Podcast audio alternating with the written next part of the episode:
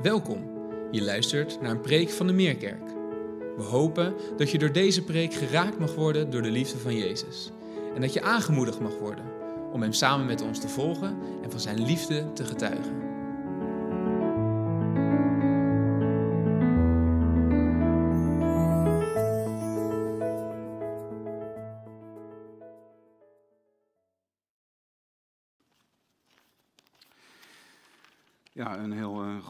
Ik ben heel blij om hier te zijn.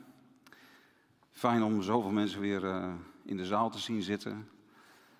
Veel bekende gezichten, uh, sommige zelfs van heel lang geleden, uit de gemeente in Haarlem. En wat een vreugde om weer samen te kunnen aanbidden, samen te kunnen zingen.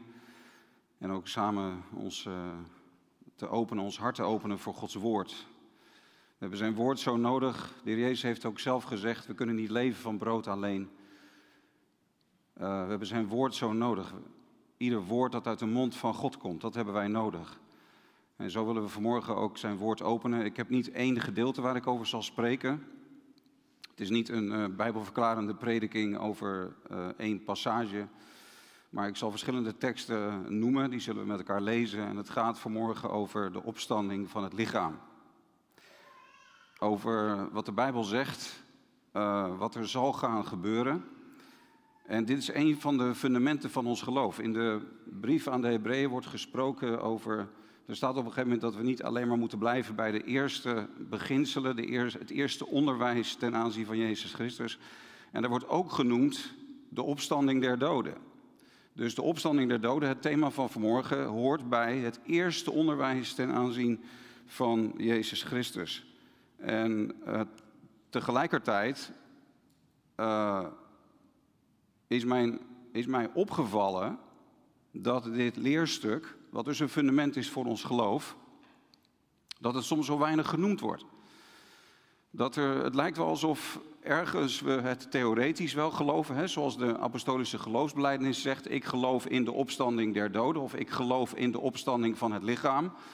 Nou, als je een beetje onderlegd bent, dan dan, dan heb je dat eerder gehoord en dan, dan zeg je, ja, dat geloof ik ook. Ik geloof in de opstanding van het lichaam.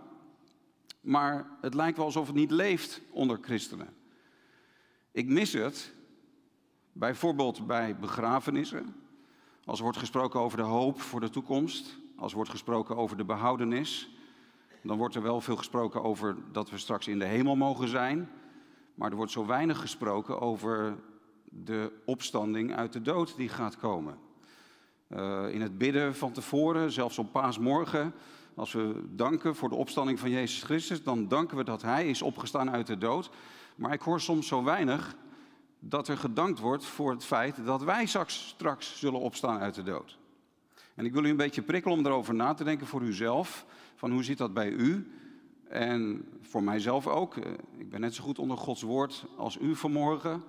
En geloven wij werkelijk in de opstanding der doden. Geloven wij inderdaad dat dit lichaam dat nu nog zucht en lijdt en sterfelijk is en vergankelijk is, dat dit lichaam straks zal opstaan uit de dood en gelijkvormig zal worden aan het lichaam van Jezus Christus, zoals hij nu al is opgestaan uit de dood. Want als je dat echt gelooft, dan word je heel blij. Ik zat gewoon ook te denken, uh, van, uh, ik heb goed nieuws voor u vanmorgen. Ik heb heel goed nieuws voor u. Dit is evangelie. Wij gaan opstaan uit de dood als Jezus Christus terug gaat komen. En dat geeft ons geweldig veel rust. De Bijbel spreekt ook over dat mensen bang kunnen zijn voor de dood. Dat ze zo bang kunnen zijn voor de dood dat ze tot slavernij gedoemd zijn. Dat je allerlei kramp krijgt in je leven en allerlei angsten en dat het heel moeilijk wordt om nog een beetje ontspannen te leven. Dat is angst voor de dood. En dat is reëel. En laten we wel zijn, de dood blijft een vijand. En dat is geen gemakkelijke vijand.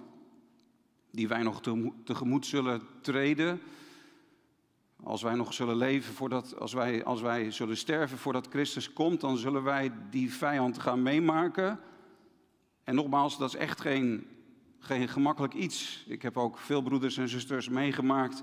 En ik heb het voorrecht gehad om bij broeders en zusters te zijn die stierven in de laatste weken, in de laatste dagen, soms in de laatste uren voordat zij heen gingen.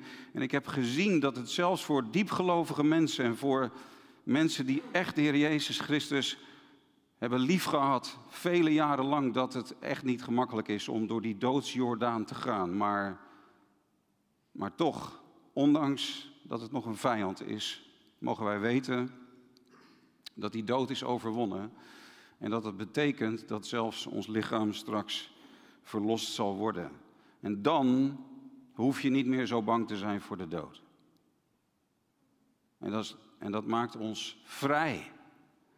En dat doet ons veel ontspannender in het leven staan. Dat, doet, dat helpt ons ook om het lijden wat we in ons lichaam soms meemaken. En ik ben ervan overtuigd dat velen van ons zouden kunnen spreken over het lijden dat je in je lichaam meemaakt. En we worden allemaal een dagje ouder en ons lichaam wordt zwakker naarmate we ouder worden. En we krijgen meer en meer te maken met beperkingen en met ziekte. Maar als je dit gelooft en als je dit weet, dan kan je ook dat veel beter aan.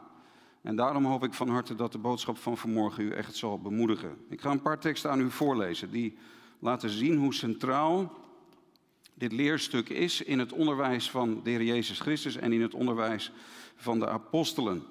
Ten eerste Romeinen 8, vers 10 en 11. Als het goed is worden de teksten ook geprojecteerd. Romeinen 8, vers 10 en 11. Als Christus echter in u is, dan is het lichaam wel dood vanwege de zonde. En daarmee bedoelt, uh, daarmee bedoelt Paulus, ons lichaam is, dit, hij bedoelt letterlijk ons aardse lichaam, ons fysieke lichaam, is dood, waarmee hij bedoelt is sterfelijk. Wij dragen de dood in ons mee. Wij zijn nu nog sterfelijk. Dus het lichaam is dood vanwege de zonde. De geest is leven vanwege de gerechtigheid. We zijn opnieuw geboren en de Heilige Geest heeft onze geest levend gemaakt. Dat is de wedergeboorte.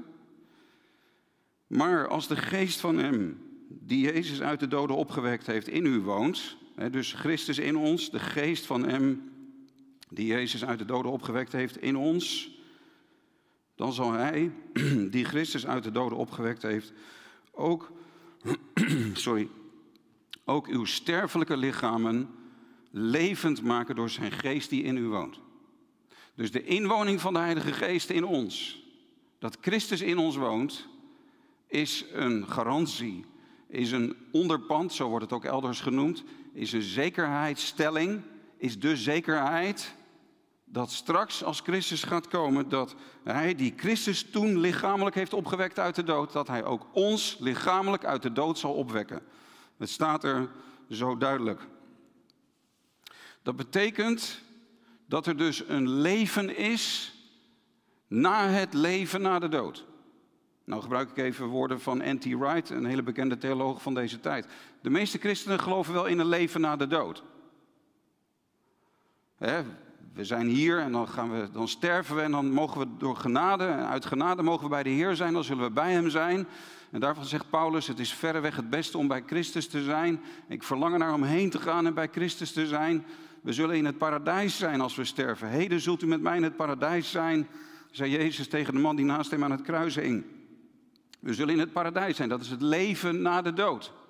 Maar de Bijbel spreekt ook over een leven na het leven na de dood. Met andere woorden, die tijd dat we in het paradijs zullen zijn, dat is, dat is niet voor altijd. En alles gaat anders worden als Christus gaat terugkomen. En we moeten niet zijn als de Sadduceeën die niet geloofden in de opstanding van het lichaam. Jezus hoorde niet bij de Sadduceeën. Paulus hoorde niet bij de Sadduceeën. Ze hoorden bij de Fariseeën, die wel geloofden in de opstanding van het lichaam. En het is een beperkte visie op de toekomst als we alleen maar dit beeld hebben van um, hier hebben we ons leven op aarde en hier hebben we onze aardse pelgrimstochten en dit is het tranendal waar we doorheen gaan. En straks zullen we verlost worden uit het lichaam. En dan zullen we niet meer in deze wereld zijn, dan zullen we niet meer in deze schepping zijn en dan zullen we voor eeuwig bij de Here in de hemel zijn. Dat is een, een te beperkt beeld van de toekomst. Dat is wel wat gangbaar is geworden in het christendom. Dat komt, en nou ben ik een beetje theologisch als ik dit ga zeggen, Maar dat heeft, dat heeft te maken met de te grote invloed van het Griekse denken in de christelijke leer. Want Plato, hè, Plato is een van de bekendste Griekse filosofen, die zei: Het geestelijke is goed en het lichamelijke dat is slecht. Het kwade zit in het lichamelijke, het kwade zit in ons lichaam. Maar de geest, dat is goed. En het, het, het hemelse is goed, maar het, het, het aardse, dat is niet goed. En die tweedeling tussen het geestelijke en het natuurlijke, het hemelse en het aardse, het geestelijke en het lichamelijke, die tweedeling, dat is vooral Grieks denken. Hè? Platonisch, een platonische liefde is een liefde zonder lichamelijk contact. Dus niet het lichaam, dat is platonisch denken. Maar in de Bijbel komen we een andere manier van denken tegen. Het is niet zo dat het kwaad alleen maar zit in het lichaam, het kwaad zit ook in onze geest. En het is ook niet zo dat wij alleen maar geestelijk verlost worden door de Heer Jezus Christus. Wij zullen naar geest, ziel en lichaam verlost worden. De Bijbel heeft veel meer een, een, een ehm, ja, weet je, het is veel meer een eenheid. Iets anders wat erbij aansluit is ook hoe je over de mens denkt. Uh, er zijn evangelisten, met name in het welvaartsevangelie komt dat heel duidelijk naar voren. Hè? Bijvoorbeeld, dit, dit illustreert ook wat ik vanmorgen duidelijk wil maken. Er zijn welvaartsevangelisten die zeggen, wij zijn een geest, we hebben een ziel en we wonen in een lichaam. Wie zijn wij eigenlijk als mens? Wat zijn wij als mens? Het idee van je echte ik, dat is je geest. Je echte wezen, dat is je geestelijke persoon. En dan heb je nog een ziel, dat zijn je emoties, dat is je psychische leven. En je woont in een lichaam. Waarom zeggen de welvaartsevangelisten dat? Ja, omdat er in de Bijbel staat, God is geest. En welvaartsevangelisten benadrukken dat wij als God zijn. Wij zijn kleine goden. We zijn kleine Christussen. Je moet erg opletten, want het kan heel christelijk klinken allemaal, maar het kan een soort New Age-achtige filosofie zijn die helemaal niet bijbels is. Zij benadrukken, wij zijn een geest, want God is geest. En dus zijn wij als God. Maar het is niet bijbels om zo te denken. Je bent niet alleen geest. En het is niet waar dat je, als, dat je iemand bent die alleen maar in een lichaam woont. Nee, je bent geest, ziel en lichaam. Je bent ook een lichaam. Jouw ik, jouw persoon is niet alleen je geestelijke persoon. En Christus is gekomen niet alleen om onze geest te verlossen, maar om ons naar geest, ziel en lichaam te verlossen. Hij nu de God des vredes, heilig uw geheel en al, opdat geheel uw geest, ziel en lichaam bij de komst van onze Heer Jezus Christus mogen blijken in alle delen onberispelijk bewaard te blijven. Hij die u roept is getrouw, hij zal het ook doen. We zullen naar geest, ziel en lichaam onberispelijk bewaard worden. Dit, lieve mensen, is ook de behoudenis. Ik heb net de vraag gesteld, wat is de mens? Hele fundamentele vraag. Maar je moet ook eigenlijk de vraag stellen, wat is dan eigenlijk de behoudenis van de mens? En de behoudenis van de mens is dat wij volledig naar geest, ziel en lichaam behouden zullen worden. Nogmaals, Romeinen 8, dat is een tekst die niet geprojecteerd zal worden, maar als je even verder leest in Romeinen 8, hè, dan wordt er ook gesproken over het lijden van de tegenwoordige tijd weegt niet op tegen de heerlijkheid die aan ons geopenbaard zal worden. Een hele bekende tekst, dat gaat over de heerlijkheid die ons wacht. De heerlijkheid waar we naartoe op weg zijn. Het lijden van nu is veel minder dan de heerlijkheid die gaat komen. Geweldig om dat te weten. En ik heb lang gedacht, ja, die heerlijkheid, dat is ons leven in de hemel. Maar als je daarna verder leest, vanaf Romeinen 8, vers 18, dan gaat het in de versen daarna, in elk vers, over de schepping. Het gaat daar in dat gedeelte in Romeinen 8 niet over heerlijkheid in de hemel, zo van het lijden van ons leven hier op aarde weegt niet op tegen de heerlijkheid die we straks in de hemel zullen ervaren. Nee, het gaat erover dat de schepping, wat gaat er gebeuren in de schepping?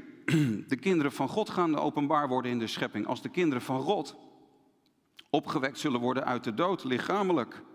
De schepping is nu nog aan de zinloosheid onderworpen. maar in hoop, omdat de schepping bevrijd zal worden van de slavernij aan het verderf. Om te komen tot de vrijheid van de heerlijkheid van de kinderen van God. Dus die lichamelijke opstanding van Gods kinderen, daar gaat ook de schepping in delen. Niet, niet alleen de verloste mensheid zal fysiek gered worden straks, maar zelfs de schepping gaat bevrijd worden bij de komst van de Heer Jezus Christus. De schepping zucht nu nog en is in barensnood, maar de schepping zelf zal bevrijd worden en wij verwachten de verlossing niet uit ons lichaam, maar dan zegt Paulus aan het einde van vers 23, wij verwachten de verlossing van ons lichaam. Hoort u het verschil? Niet de verlossing uit ons lichaam, nee, de verlossing van ons lichaam. Nou, het is echt heel centraal waar ik vanmorgen tot u over spreek. Wij zijn toch behoorlijk beïnvloed door dat Griekse denken. Heeft trouwens ook verband met de vervangingsleer.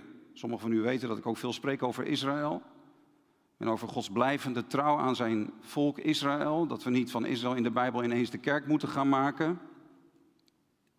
Maar die hele vervangingsleer, hè, dat de kerk nu het geestelijke Israël is, dat, dat past ook helemaal bij dat Griekse denken.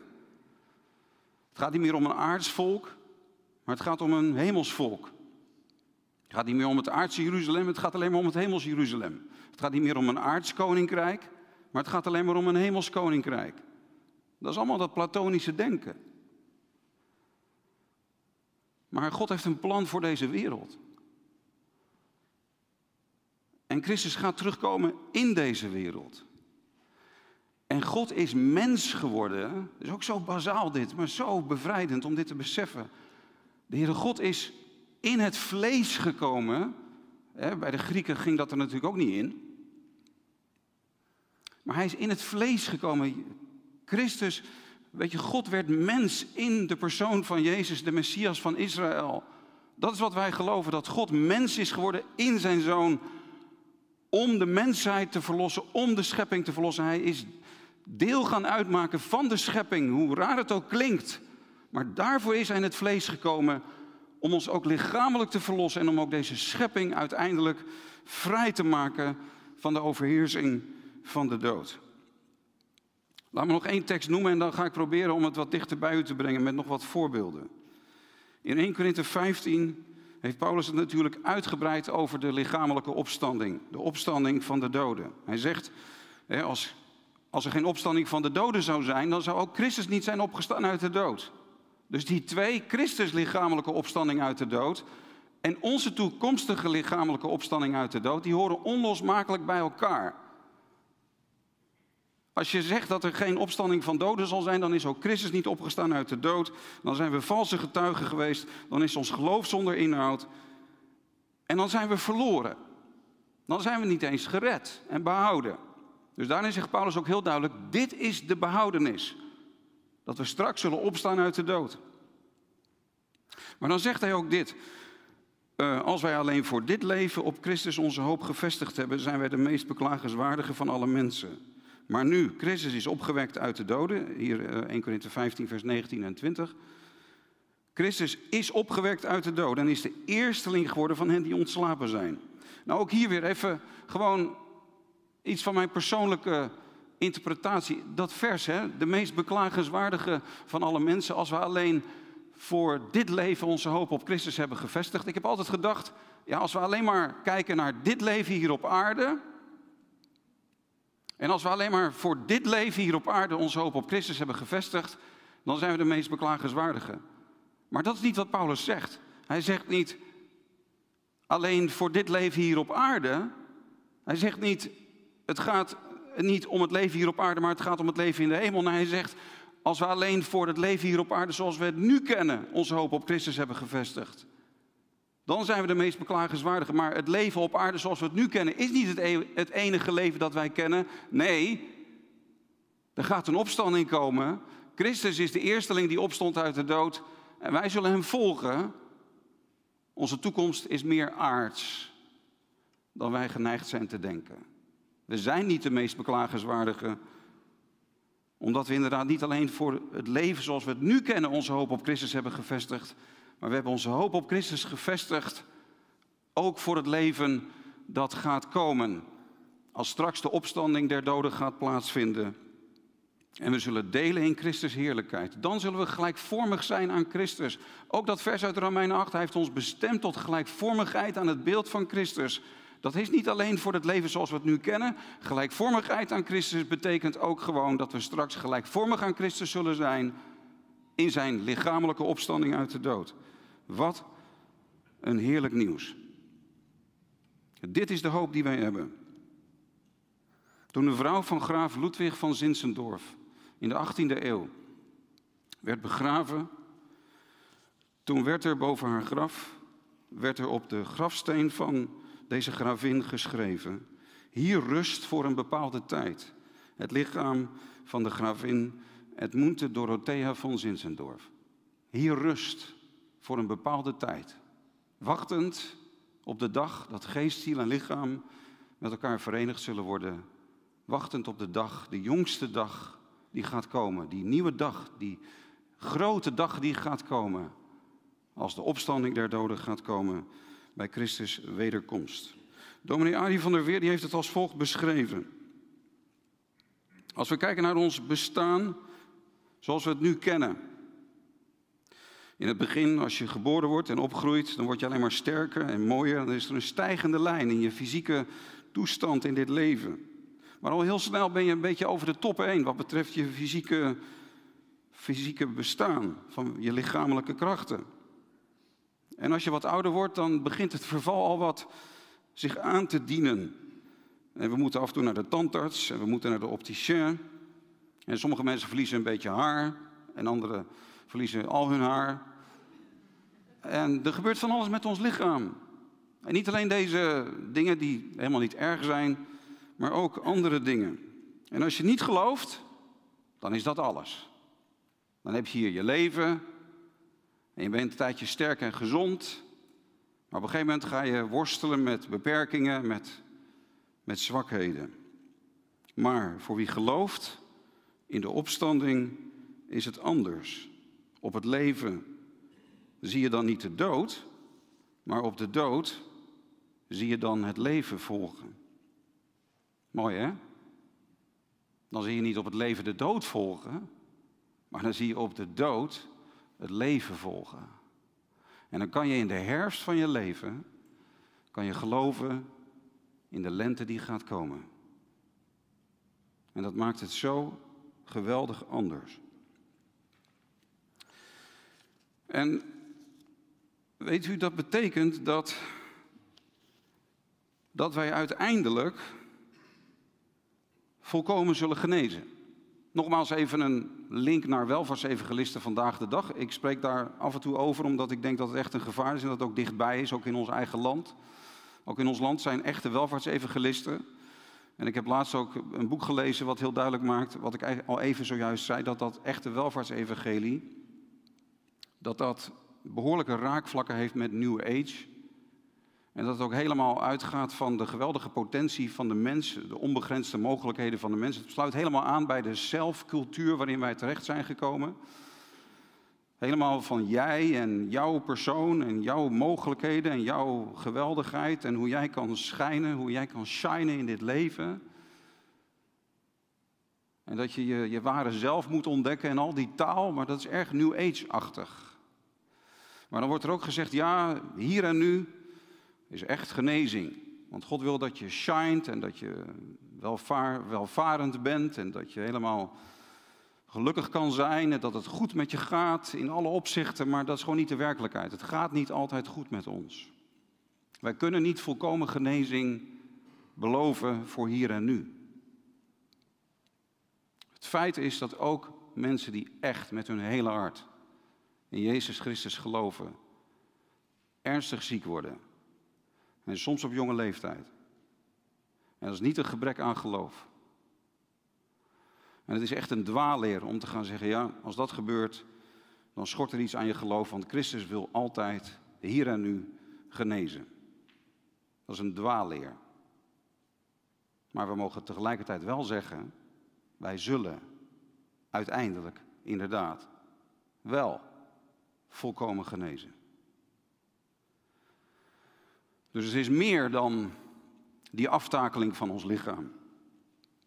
Er is meer dan dat het soms zo ontzettend moeilijk is als je pijn gaat lijden. Als die ziekte inderdaad zich aandient, als je geheugen minder wordt, als je merkt dat je de dingen niet meer goed kan onthouden zoals je ze eerder kon onthouden, als je verstand je wat in de steek gaat laten. Er is meer dan dat we soms het zo moeilijk hebben omdat we ons zo rot voelen. En ook een christen kan depressief worden en we kunnen burn-out raken en we kunnen overspannen raken. En ook een christen kan lijden aan fobieën en aan, aan stoornissen in de persoonlijkheid. En er kan van alles aan de hand zijn in ons lichaam, in onze psyche. En wij lijden nog. En, en elke zondagmorgen, zoals ook vanmorgen gebeurt, is met de mededelingen en in het gebed voor onze broeders en zusters, dan komen er allerlei namen voorbij van mensen die door diepe dalen gegaan. En we hebben ook met elkaar gezongen over die diepe dalen daar waar we doorheen gaan. Het heeft vaak ook te maken met onze fysieke toestand en met onze emotionele toestand. En u heeft dalen meegemaakt in uw leven. Ik had gisteren een huwelijksinzegening. En toen ging het ook over Psalm 126, over tranen. En ik zei tegen het, het bruidspaar van, jullie hebben tranen gekend. Dat ze ook met mij gedeeld. Jullie weten wat het is om te huilen om bepaalde dingen. En ik zei tegen iedereen die er was, u weet allemaal. En ik weet het ook wat het is om te huilen. Ja, wij huilen soms. Soms moeten we bittere tranen huilen. Want het leven kan bizar moeilijk zijn. Maar er is meer dan dat. Er is meer dan dat die pijn en die ziekte en die lichamelijke dood die we nu nog met ons meedragen en die we straks zullen meemaken, heeft niet het laatste woord. Dat is het goede nieuws. En we zijn veilig in Jezus' handen. We zijn behouden. Hij laat ons niet los. Hij is een werk in ons begonnen en zal dat voleindigen. Hij is trouw aan zijn schepping. Hij laat niet varen de werken van zijn handen. Jij bent het werk van zijn handen. En hij laat niet varen het werk van zijn handen. En hij houdt ons vast. En zelfs door de dood heen. De dood is een overgang naar het leven bij de Heer. En daarna komt het moment dat we nog meer dan ooit verlost zullen zijn. En dat we nooit meer zullen sterven. We zijn echt veilig in Jezus' handen. En dat geeft ons zoveel rust en vertrouwen. Weet je, ik heb het wel eens gehoord, het sluit hier ook bij aan en dan noem ik een laatste voorbeeld om, om het nog, om, het nog uh, om te laten zien hoe relevant dit is. Maar ik heb gehoord dat, dat is een voorbeeld wat ik al heel lang geleden hoorde, maar wat heel mooi hierbij past. Dat men bezig was een brug te bouwen over een ravijn. En dat ze, terwijl ze aan het bouwen waren, waren er geen veiligheidsmaatregelen genomen. En terwijl ze bezig waren, vielen enkele mensen van dat project af het ravijn in. En die vielen dood neer. En toen zeiden ze, we moeten er net onder hangen. En toen ze net eronder hebben gehangen, toen konden de mensen weer verder werken. En het gekke is dat daarna niemand meer in dat net is gevallen. Waarom? Omdat er veiligheid was. Omdat ze niet meer zo bang waren om te vallen omdat ze mochten vallen. En ze vielen niet meer. Er was meer ontspanning. Dat is nou de betekenis van dat wij geloven in de opstanding der doden. Er is een net onder ons. Er zijn eeuwige armen onder ons. We zijn veilig in Jezus' armen. En we mogen vallen. We zullen vallen. We zullen sterven. Maar we zullen opgevangen worden. En daarom kan je het leven veel beter aan. Daarom kan je de onvolmaaktheden en de aftakeling die wij vroeg of laat allemaal gaan meemaken en de dreiging van het vallen kan je veel beter aan, omdat je weet dat dat net daar hangt. Wat een rust. Geen angst meer om te sterven. Nou, ik wil afsluiten met een voorbeeld uit het leven van vader ten Boom. Wij zijn net terug van vakantie.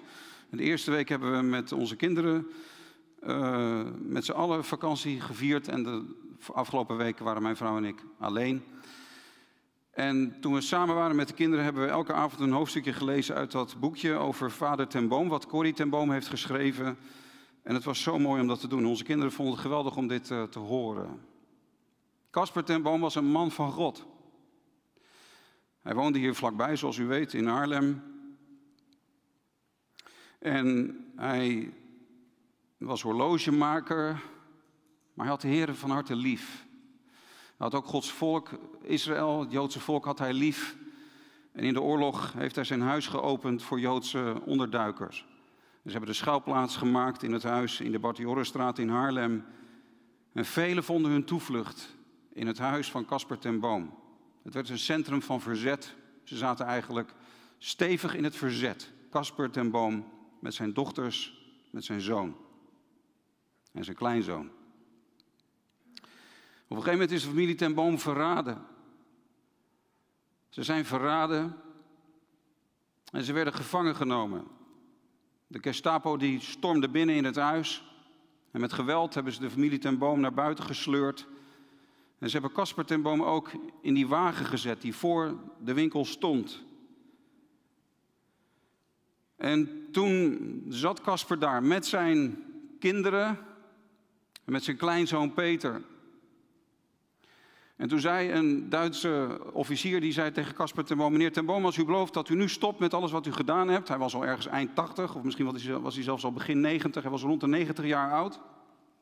Als u nu stopt met wat u gedaan hebt, dan mag u nu uit die wagen stappen en terug in uw huis gaan. Maar Casper ten Boom zei, ik zal altijd mijn huis openen voor degenen die bij mij aankloppen om hulp. En hij is in die wagen blijven zitten. Ze zijn overgebracht naar een politiebureau in Haarlem. En Peter ten Boom. Ehm, nee, sorry, hij, hij heette anders van zijn achternaam, want hij was een zoon van zijn dochter. Maar Peter, die was er ook bij. En die zei later, want die heeft de oorlog overleefd. Die zei later, toen we daar waren in, de, in die ruimte op het politiebureau. We zaten daar als familie en er zaten ook best wel andere mensen bij. Toen las mijn vader Psalm 91 voor, wie in de schuilplaats van de Allerhoogste is gezeten, vernacht in de schaduw van de Almachtige. De schuilplaats in de BJ, wie in de schuilplaats van de Allerhoogste is gezeten. En Peter ten Boom die zei, er was een hemelse vrede in die ruimte waar we toen zaten. Gevangen genomen, de dood dreigde, maar vader ten Boom las Psalm 91, in de schuilplaats van de Heer. En dit zijn de laatste momenten geweest dat, dat die kinderen hem hebben meegemaakt. Hij is overgebracht naar gevangenis in Scheveningen en is negen dagen later gestorven, zonder dat zijn kinderen bij hem waren. En waarom vertel ik dit? Omdat Casper ten Boom, de uitspraak waar hij het meest om herinnerd wordt, wat hij zo vaak tegen zijn kinderen heeft gezegd. Wat hij misschien ook wel heeft gezegd in die ruimte op het politiebureau in Haarlem. In die laatste uren dat hij met zijn kinderen en met zijn kleinzoon daar was. Misschien heeft hij toen ook wel gezegd. De uitspraak waar hij het meest om herinnerd wordt is deze. Mijn lieve kinderen, vergeet nooit. Het beste komt nog. Wat je ook meemaakt. Ook als je gevangen wordt genomen. Ook als je lijdt. Ook als je in een concentratiekamp terechtkomt. Ook als je niet alleen je vader, maar ook je zus en je broer en andere familieleden moet gaan missen. Zoals Corrie heeft meegemaakt, zijn dochter Corrie heeft meegemaakt. Wat er ook gebeurt, vergeet nooit. Het beste komt nog. En dat is wat wij geloven. Dat is wat wij weten. En daarom heb ik steeds meer, ik heb, weet je, als ik hierover spreek, dan maakt het me echt blij. Maar ik heb steeds meer het gevoel dat, weet je, ons leven is gewoon nog maar net begonnen. Ook al ben je in de 50, zoals ik nu ben, of ook al ben je in de 60, of in de 70 of in de 80, of bijna 90, zoals Casper ten Boom. Je mag altijd zeggen als gelovige in Jezus Christus, mijn leven is nog maar net begonnen. Het beste ligt nog voor mij. Er gaat heerlijkheid komen die met geen pen te beschrijven is. En het lijden van de tegenwoordige tijd weegt niet op tegen die heerlijkheid die gaat komen. Dit is wat wij mogen weten. Dit is de genade van God voor ons. Dit is, het, dit is zijn liefde voor ons, zondaren. Wij verdienen dit niet. Wij verdienen de dood, maar we krijgen het leven. We krijgen het leven in alle aspecten. We krijgen zelfs straks een volmaakt, onsterfelijk, heerlijk, lichamelijk leven. Er zijn nog zoveel geweldige dingen die ons staan te wachten. Dit is de genade van Jezus Christus. Dit is de rijkdom van zijn genade. En we prijzen en we loven Hem voor zoveel liefde, voor zoveel genade. Geprezen zij zijn heilige, machtige naam. Amen. Laten we samen bidden en de Heer danken.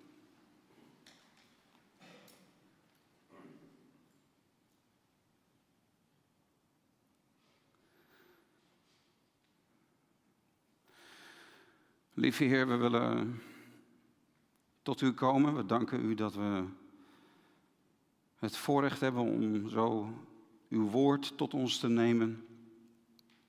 We danken u voor de Bijbel, we danken u voor de Heilige Schrift. We danken u voor het Evangelie. We danken u, Vader, voor uw Zoon die u heeft gegeven als een verzoening voor onze zonden. Wij verdienen dit allemaal niet, Heer, maar u geeft het ons als een geschenk om niet gratis. We hoeven het niet te verdienen. Heer, we willen u danken voor de hoop die wij hebben. We danken u voor dat vangnet dat er is. We danken u voor die eeuwige armen die onder ons zijn. We danken u, Heer, dat wij ook in de schuilplaats van de Allerhoogste mogen zitten. En dat niets ons kan schaden. Dat niets Heer, ons kan scheiden van uw liefde. Dat we volkomen veilig zijn. Heer, we bidden voor elkaar. Heer, we weten niet precies van elkaar wat we allemaal meemaken en hoe we ons voelen, maar soms weten we het een beetje van elkaar en we bidden nu voor elkaar. Heer, dat we als broeders en zusters, als kinderen van u, de levende God, dat we elkaar kunnen bemoedigen voortdurend met het allerheiligst geloof. Dat we elkaar voortdurend kunnen bemoedigen met deze hoop die wij hebben. We rouwen wel, maar niet als mensen die geen hoop hebben. We hebben hoop. We danken u zo, Heer. Wilt u zo ons tot een zegen stellen voor elkaar? En dat we sterk zullen zijn in geloof. En dat we ons hoofd omhoog mogen heffen wetende dat de koning gaat komen. Heer, wilt u zo bemoediging geven en troost en kracht in ieder van onze harten. We danken u dat u dat doet. Dank u dat u ons zoveel breder perspectief geeft dan we van nature hebben.